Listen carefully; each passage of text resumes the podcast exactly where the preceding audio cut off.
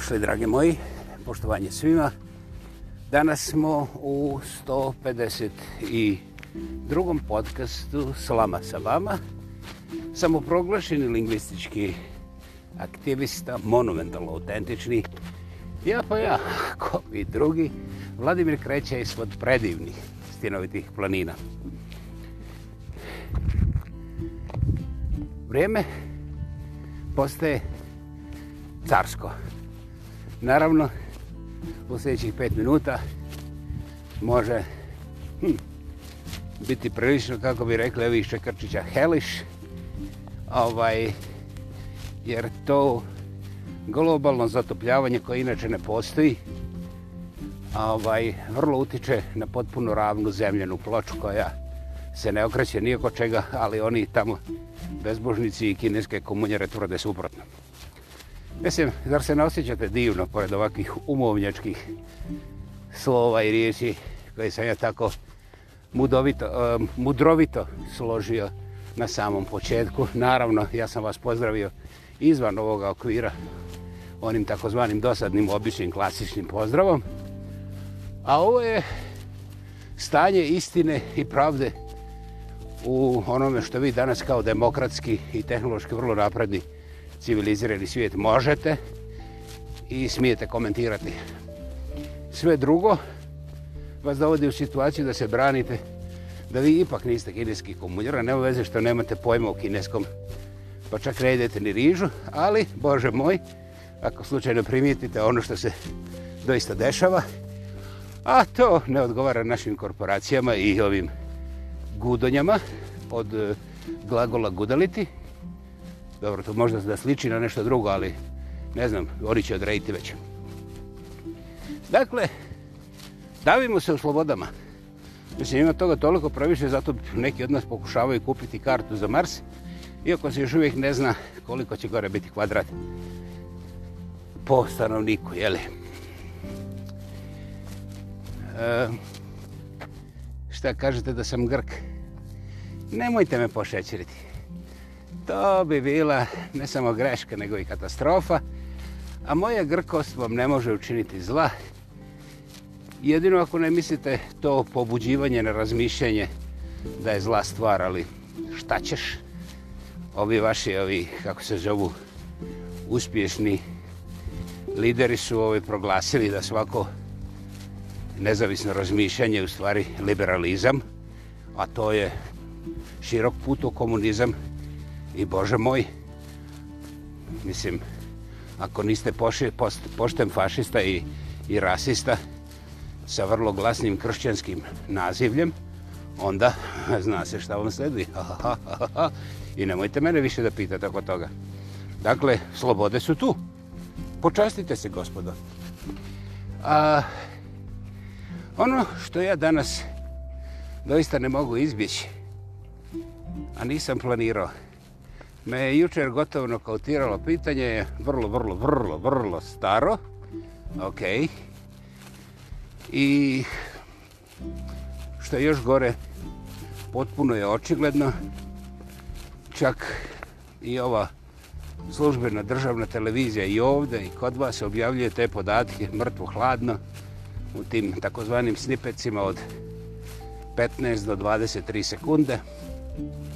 I vi to sve vidite, možda vam ono oči malo bljesnu i prvi sljedeći korak ne vidite, ne čujete, niste ni ono, ni primijetili. E, da li je to zbog toga što vi imate intelektualnih tegoba u tom spoznajnom mehanizmu vaše vlastite psihologije, inteligencije, duha i personalnosti? E, odaberite. Ili je to zbog dizajna? Naime, ovi naši demokrate i lideri koji su najuspješniji, najveći i tako dalje sve redom, oni imaju takozvane timove o toj javnoj percepciji, pa onda javnom mnjenju, pa onda transmisije informacije. E, još nismo ni na početku, ali dakle, shvatate. Dizajn nikad nije bio slučajnost. I onda ovi koji su zainteresirani da vi reagirate ovako ili onako, oni vrlo jednostavno odrede šta ćete vi čuti i kako ćete reagirati. I vi onda mislite da su vam kinezi zabranili da vi koristite svoj vlastiti mozak. Ovaj. I pošto je to vaše mišljenje, ja nemam pravo da ga stavljam pod nikakav upitnik. A? Primjećujete već nešto? Ne, ne primjećujete. Super, ne morate. Život će vam proći u veselju, posebno kad ne vidite očigledno. Meni je bilo vrlo teško prošle noći pogledati da se u zadnjih 12 mjeseci broj milijardera, znači to su nekakve nama nepoznate osobe, mi talambasamo po Billu Gatesu i šta je znam još, Bezosu, ne znam, izaberite još dvojicu, trojicu koji su kao medijski ovako popularni za trešenje prazne slame, a zapravo u posljednjih 12 mjeseci broj milijardera milijardera, znači ljudi koji imaju hiljadu miliona dolara američkih ili više, znači ne kredita, nego imaju toliko novaca, ovaj, odnosno vrijednosti koje su nakupili, je porastao za skoro pet stotina. Zamislite vrijeme pandemije, Ja baš nisam li htio da gledam onaj World Meter i nisam htio da gledam druge stranice koliko smo izgubili ljudi zbog gladi u tim nepopularnim dijelovima svijeta koji su jednako luzeri. E, tako ono kažu ovi iz novina. I ovaj... Ja... Preko 500 novih milijardera. I... Prva stvar koja mi je proletila kroz glavu, naravno, speaker je to rekao kao jednu klo, znači ono, super kratka rečenica koja nema objašnjenja. Jer joj ne treba objašnjenje, mislim. Evo ti, 486 komada novih milionera. Idemo dalje, vakcinirili su se vi iz Čekrčića, a ovi iz Donjih Čekrčića će čekati do sljedećeg četvrtka. I, Bože moj, zar nisu to prave vijesti? A onda, u nastavku dolazi još jedna rečenica koju ja nisam očekivao, I kaže u tih zadnjih 12 mjeseci, znači od 1. aprila prošle godine do 1. aprila ove godine, a, svijet ima ukupno oko 3000 milijardera, 3000 tih jednika, to su sve privatne stvari. I svaki ti, taj milijarder je bogatiji nego doslovce bilo koja od stotinu najsiromašnijih zemalja svijeta. Mi govorimo o hrani, medicini, školi, vodi, a znači pijaćoj vodi i tim bazičnim medicinskim potrebama. Dakle, to društvo od 3000 komada tih specijalnih, kako se oni zovu, demokrata i slobodni svijet, jel da? Ovaj, oni su vlasnici nevjerovatnog novca koji, ako pogledamo ovako pošteno šta jedan čovjek može konzumirati i raditi na ovoj planeti, ja doista ne znam. Ovaj, ako ne želi bacati kroz prozor i spržavati, spržavati te milijarde u, u ovoj svojoj peći, onda ne vidim ovaj, kako bi se to moglo potrošiti u jednom životu. E sad jedino koji ima koji milion braća ili sestara, pa onda malo da idu na sladole češće ovako, pa opet bit će dosta za cijeli život svih njih, ali nema veze. Um, dakle, ta gospoda je u 12 mjeseci, znači njih 3000, malo manje, je skupila ekstra 8 trilijona dolara. Trilion to ti je 1000 milijardi dolara, a milijarda je 1000 miliona dolara. E, sad, zavrtite svoju pamet. Pogledajte se ogledali, recite sebi da znate šta znači trilion dolara. Ovi su, to je njihov profit, povrh svega onog kajmaka koje su redovno skupljali, ali prošli 12 mjeseci dok se umiralo masivno, dok je planeta stenjala da preživim, najbogatiji dvonožnjaci među nama, skupili su u svoje privatne džepove, ne u vaše gospoda. Meni teško zamislivih 8 trilijona dolara, ja ću vjerovatno i umreti, nikad neću znati šta je trilijon dolara. Meni je drago što javnost sve to tako olako zna, ali šta stvarno predstavlja 1 trilijon dolara? Znate, E, ja sam mislio da upoređujem pa da vam kazujem, ali je sve to besmisleno. Sve to besmisleno jer ta gospoda sa tim trilionima dolara povlače sve konce. E, dobro ste čuli, sve. Znači, ne ono možda, ne ono kao, pa nije baš tako ili šta je znam šta već hoćete da izaberete kao ispriku. Znači, ta gospoda povlači sve konce u našim pojedinačnim životima. Znači, Kako? Pa vrlo, vrlo lako. Zamislite sebe da imate toliko količinu novca koja vam otprilike prvih 99% ne služi ni za što osim za povlačenje konaca i stvaranje još novaca, a u stvari da zaštitite samo svoj položaj da možete proizvoditi novce kad vi poželite kako vi poželite. Dakle, ako vaša država odluči da se brani od grdog dušmana, onda joj treba šta? Novac. Odnosno, proizvodnja. Znate, vojnici hoće da jedu konzerve, to je poznato. I sad vi napravite umjesto plavih i napravite žute konzerve. I onda ih čak proglasite da su organički uzgojene što je vrlo važno. Ali redizajnirate ih da izgledaju malo veće i naplatite normalno puno više novaca. Što vam i onako nije trebalo, ali treba ljudima staviti, stvoriti distrakciju razmišljanju i pogledima. Tako da ovaj, to je taj nužni element koji ste možda previdjeli.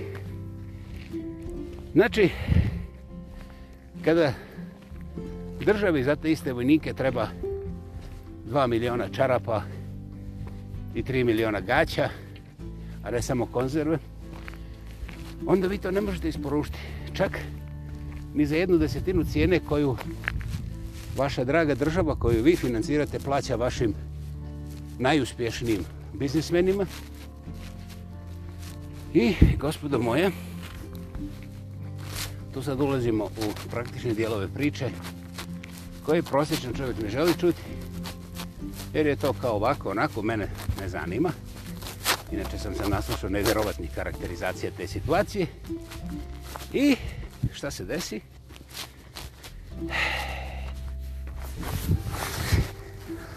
Šta god da se desi, gospoda milijarderi će skupiti još milijardi, a vaša djeca će za njihove preskupe čarape i konzerve učiniti trčati na rat vrišteći kako vole Isusa Krista kontrakomunista i ovaj ganjaće tamo kineske komunjare jer naš kinezi su nam toliko toliko zla donijeli da evo recimo kad bi ovog momenta prestala isporuka preko Pacifika znaš samo do zapadne Kanade i Amerike sve velike samoposluge bi ostale gotovo prazne, blokirano prazne. Ja ne govorim samo o čačkalicima i tom papiru, što je sramota da ga je nestalo, nego ja govorim i o bazičnoj hrani, ali i alatima i čovječe više ne znam. Evo čak sam se preplašio kad sam vidio da su i moje čarape kineske proizvodnje. Da li sam ja tako postao komunist? Možda jesam, šta ja znam, to će mi reći televizija večeras. Dakle, gospoda, mi pojma nemamo u čijim rukama se nalaze naše životi, ali mi znamo koga treba pljuvati, zato što smo mi prije svega kršćani. Ja govorim o ovome zapadnom svijetu, jer ja sam kršćanskog porijekla i ovaj, više me čak nije ni sramota što sam kršćanskog porijekla, jer ovoga, kršćanstvo se samo mlati kao što se mlati riječ poštelja od ovih kolodvorskih kurvi. I ovaj, a, postali smo potpuno bezosjećajni na stvarnu situaciju koja je poražavajuća i ponižavajuća, ali ne zbog toga što mi tu ništa ne možemo, nego zato što mi tu ništa nismo htjeli. Mi smo odlučili da uzmemo kreditnu karticu i da idemo kupovinu. Kako, koliko i zašto, to ćemo postaviti pitanja kasnije kad propadnemo u dugove, pa kad nam oni smanje kamatu sa 177% na 174%. I kao to je dobar gest, jer ćemo plaćati tek od sljedećeg mjeseca. Eh, u sitnim slovima dole piše da ćemo i tog mjeseca kad ne plaćamo platiti punu, punu iznos kamate po onoj staroj cijeni. I to je ljudima dosadno jer ovaj, na kraju će opet nekako proći i bože moj, zašto da se sad opterećujemo? Da li ja zagovaram revoluciju?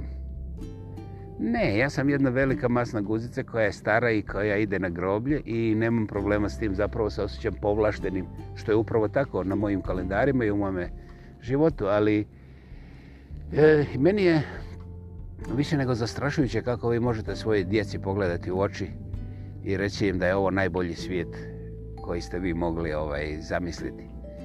Gdje ste vi uložili svoj život ne pokušavajući nijednog momenta da vidite šta znači ti trilioni u rukama jednog ograničenog broja ljudi koji nisu ni države, ni politike, ni religije, a sami sebe kako im zatreba, u jednom istom danu prozivaju i kršćenima, i slobodarima, i demokratama, i mesijama, i sve šta god oni zamisle da oni to mogu.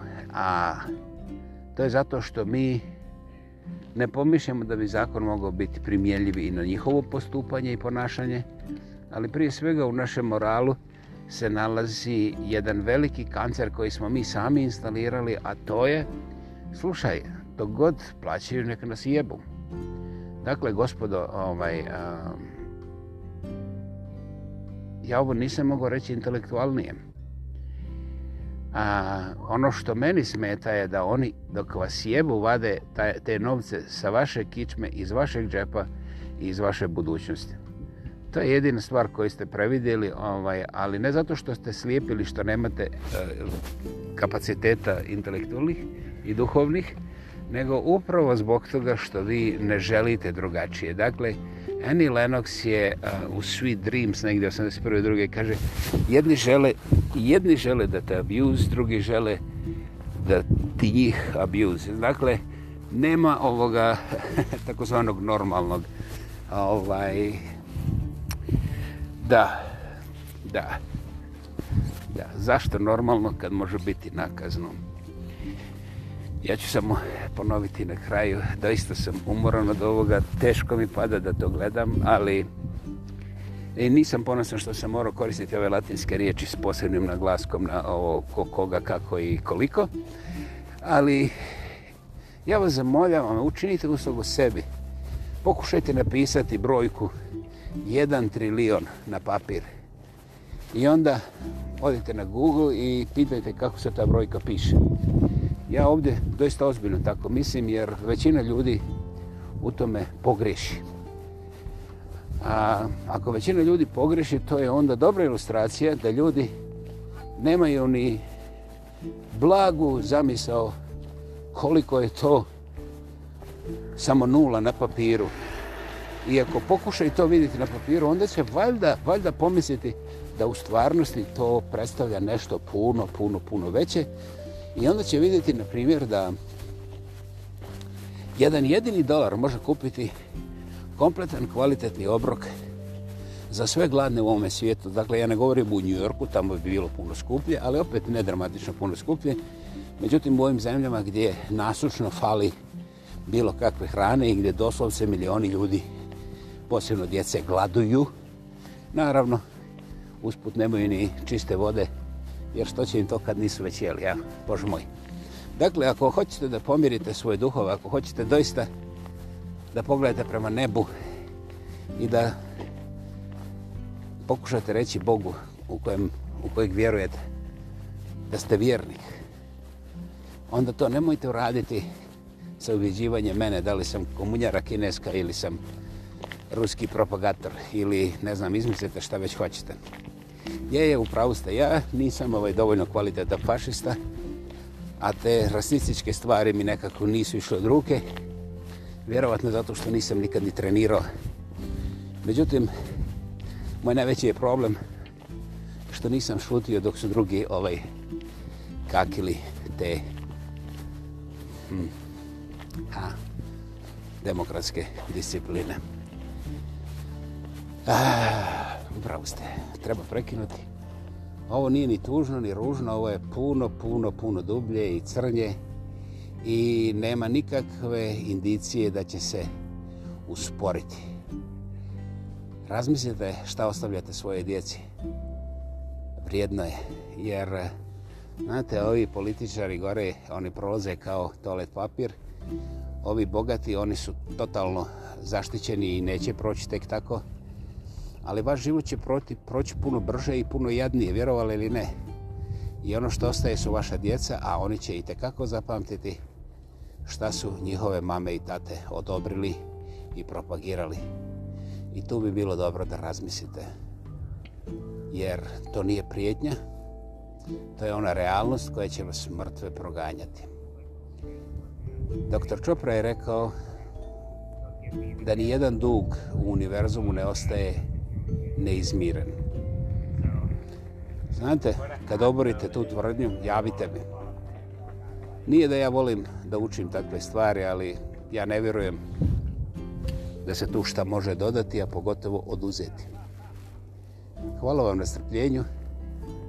Hvala vam na odluci da pogledate malo te brojke u tim svojim enciklopedijama ili googlovima ili gdje već hoćete. Hvala I hvala vam što ćete razmisliti šta doista ostavljate svojoj djeci, ne mojoj, ne susjedovoj, ne televizijskoj, nego onako privatno, personalno, u vašoj duši, u vašoj obitelji. Šta doista ostavljate, kakvu poruku šaljete toj novoj generaciji koja je vaša krv, ne moje, 100%.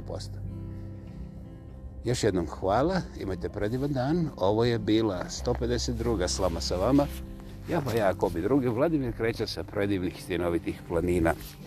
Čujemo se prije nego što se vidimo. Hvala. Thank you.